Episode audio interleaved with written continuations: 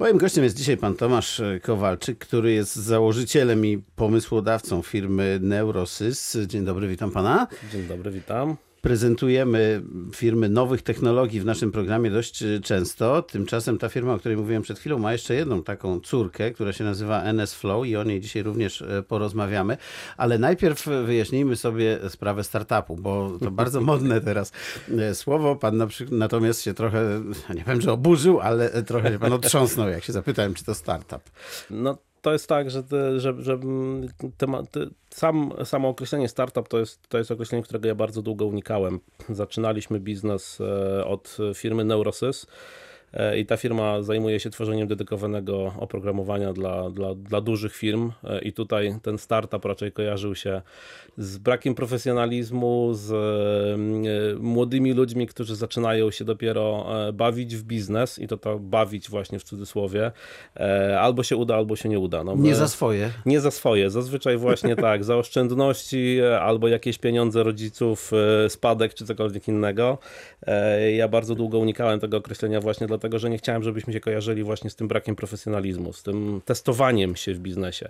E, Neurosys jednak skupia się na tworzeniu oprogramowania, które jest profesjonalnym oprogramowaniem. Tutaj bardzo ważna jest profesjonalizm, e, znajomość technologii, doświadczenie, bo to jest coś, co w poważnym biznesie jest kluczowe, szczególnie jeżeli mówimy o specjalistycznych rozwiązaniach. Więc ja bardzo długo, jak ktoś wspomniał o tym, e, pytał mnie, czy jesteśmy startupem, mówiłem nie, w żadnym wypadku jesteśmy profesjonalną firmą, która świadczy profesjonalne, specjalistyczne usługi. Ale to może u nas ta y, łatka startupów przygnęła do takich ludzi, którzy może nie do końca poważnie często zajmowali się biznesem, bo to w gruncie rzeczy chyba trochę oddaje inny proces. To znaczy startup to ma być taka firma, która, którą zakłada się, ona szybko szybko rośnie i można ją dość drogo sprzedać. I, i po to się w ogóle ją y, zakłada, więc może tak nie postponowałbym do końca samej idei, bo to chyba biznesowo jest niezły pomysł. E tak, tutaj się zgodzę, tylko że też rozdzieliłbym właśnie e, startup. E, kiedyś, to może tak, kiedyś usłyszałem taką fajną definicję startupów albo rozgraniczenie czy podział startupów na takie startupy klasyczne, które właśnie są młodymi biznesami, zazwyczaj bardzo mocno innowacyjnymi, których e, no, ważne jest szybkie wejście na rynek, szybkie skalowanie od czegoś, co e, na, na którejś z konferencji jeden z uczestników nazwał to startupem lifestyle'owym. Aha. E, I startup lifestyle'owy, tutaj definicja mnie rozśmieszyła, bo startup lifestyle'owy jest takim startupem, którego celem jest zapewnienie lifestyle'u jego twórcom. Aha. Czyli tak naprawdę wymyślamy coś, E, co wygląda fajnie, jest y, przynajmniej w, w opowieściach innowacyjne, fajne, jest ciekawe. na czasie ciekawe. E, ściągamy inwestorów, próbując e, ich tym zachęcić w jakiś sposób, natomiast potem zamiast skupiać się na zrobieniu tego i zrealizowaniu tego pomysłu, bawimy się za te pieniądze, czyli zapewniamy sobie lifestyle pieniędzmi inwestorów.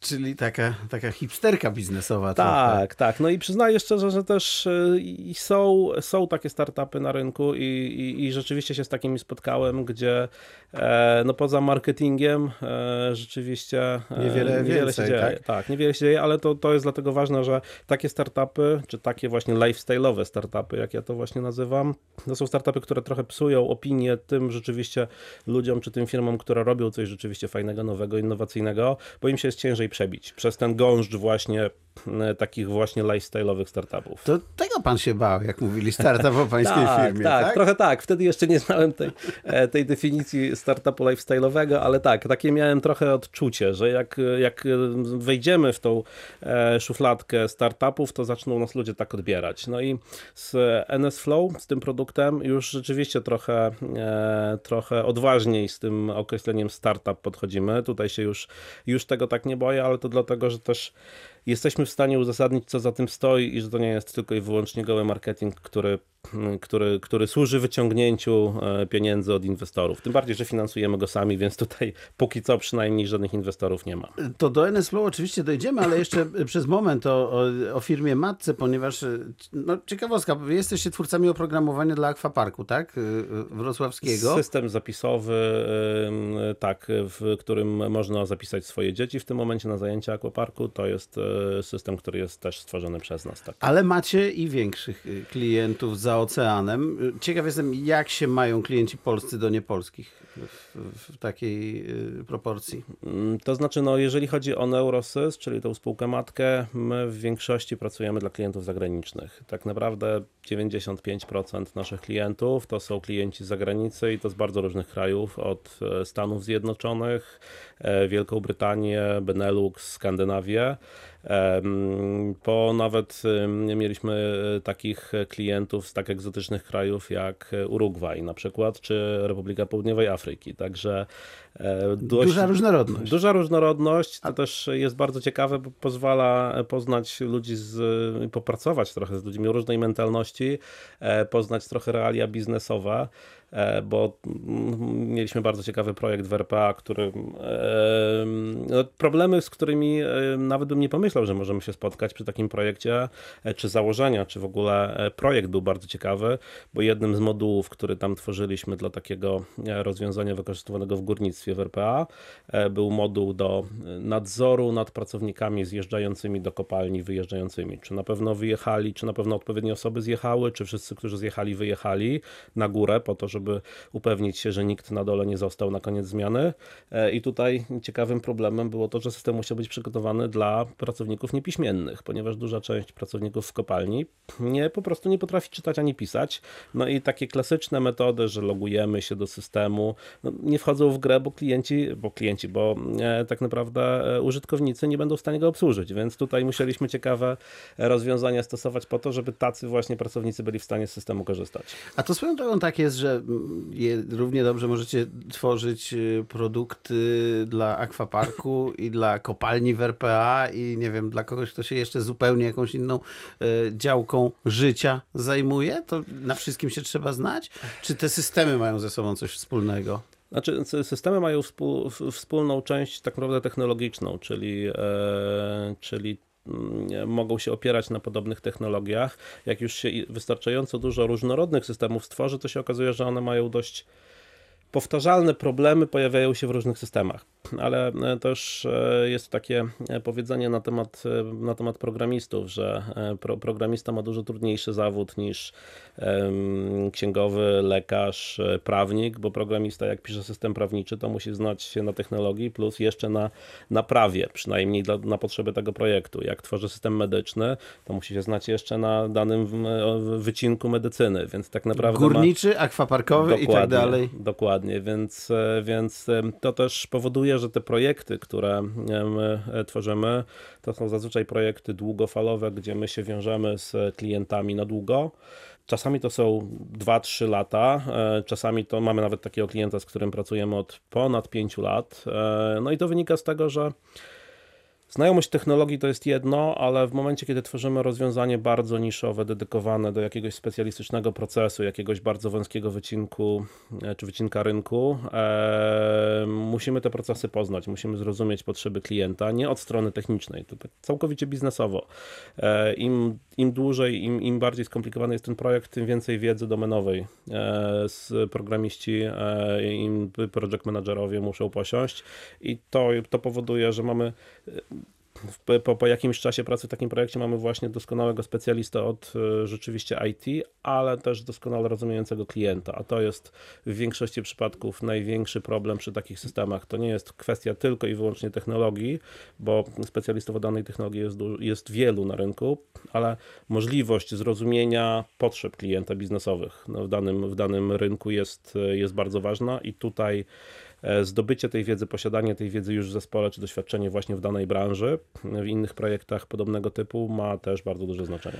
Waszym klientem jest też e, ogromna amerykańska korporacja medialna i ciekaw jestem tego, tego procesu właśnie, jak kopalnia z RPA, amerykańska korporacja medialna, rzeczywiście ogromna. Ile pracowników ma pan mówił? 150 e, tysięcy? 152 tysiące. Czyli wielka firma, tak, prawda? Tak, Miliardowa firma. firma. Znajduje taką firmę, no w końcu małą, jak wasza firma z Wrocławia i zlecaj coś, jak ten proces przebiega. To, to był bardzo specyficzny, e, bardzo specyficzny i bardzo nietypowy proces dojścia do, do, do rozpoczęcia współpracy. Tutaj tak naprawdę zresztą jest podobny model się chyba w, w wielu projektach tego typu w naszej branży e, stosuje. My nie, nie, nie poszukujemy klientów przez reklamy, nie wiem, w wyszukiwarce, czy gdzieś tam e, rozwieszanie banerów, czy robienie reklam w telewizji, bo tak naprawdę my nawiązując pracę z klientem w, w, w ramach Neurosysu, e, nawiązujemy pracę w oparciu raczej o zbudowane relacje, o zbudowane zaufanie, o, o to, że klient postrzega nas jako firmę profesjonalną. Czyli co, z polecenia? Z polecenia to nawet tutaj akurat e, ta historia z, z, z, tą, z tą amerykańską firmą jest bardzo, bardzo specyficzna, bo tutaj e, przez długi e, czas rozmawialiśmy o, w, o, o wdrożeniu rozwiązania dla konkretnego procesu, a to, że w ogóle udało nam się tam dojść, to jest kwestia długiego budowania relacji przez lata. Przez naszych klientów, klientów e, czy byłych klientów w Wielkiej Brytanii. Udało nam się nawiązać kontakt właśnie e, z ludźmi odpowiedzialnymi za dany obszar e, biznesowy właśnie w tej korporacji w Stanach Zjednoczonych. No prawie rok dyskusji, negocjacji no dało efekt taki, że, że rzeczywiście w połowie zeszłego roku podpisaliśmy kontrakt. No i współpracujemy do tej pory bardzo. Dużo wart? Tak, tak, dużo wart, e, dużo wart. No nie mogę tutaj, nie mogę tutaj podać szczegółów, aczkolwiek, aczkolwiek jest to rzeczywiście spory kontrakt, jest to kontrakt długofalowy. A co robicie dla nich? Tak jeszcze dwa zdania w pierwszej części. Stworzyliśmy dla nich rozwiązanie, e, które służy do szkolenia pracowników, do, do przeprowadzania szkoleń wewnętrznych. W tej chwili e, spośród 152 tysięcy ich pracowników globalnie, ponad 36 tysięcy pracowników szkoli się właśnie E, na narzędziu przez nas stworzonym. E, no i tutaj oprócz wdrożenia tego narzędzia mamy dużą gamę usług, e, które też wdrażamy dookoła tego narzędzia, różnego rodzaju integracje, komunikacja z zewnętrznymi systemami, raportowanie i tak dalej, więc jest to długofalowy kontrakt, długofalowa współpraca.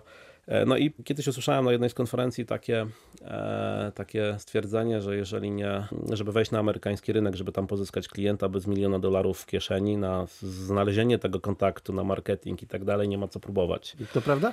No absolutnie nie. Nawet złotówki nie wydaliśmy na, e, nawet złotówki nie wydaliśmy na poszukiwanie e, klientów w Stanach e, i udało się, udało się już w, tej, w tym momencie pozyskać dwie duże firmy, dla których pracujemy w Stanach Zjednoczonych. No i to są firmy też bardzo ciekawe. Jedna, jeden to jest koncert medialny, drugi to jest, druga to jest firma z branży farmaceutycznej, też bardzo niszowa. Bardzo ciekawy klient, też z dużym potencjałem rozwoju, z którym kilka miesięcy temu rozpoczęliśmy współpracę i nie kosztowało nas to tak tak naprawdę złotówki. I za chwilę wrócimy do rozmowy.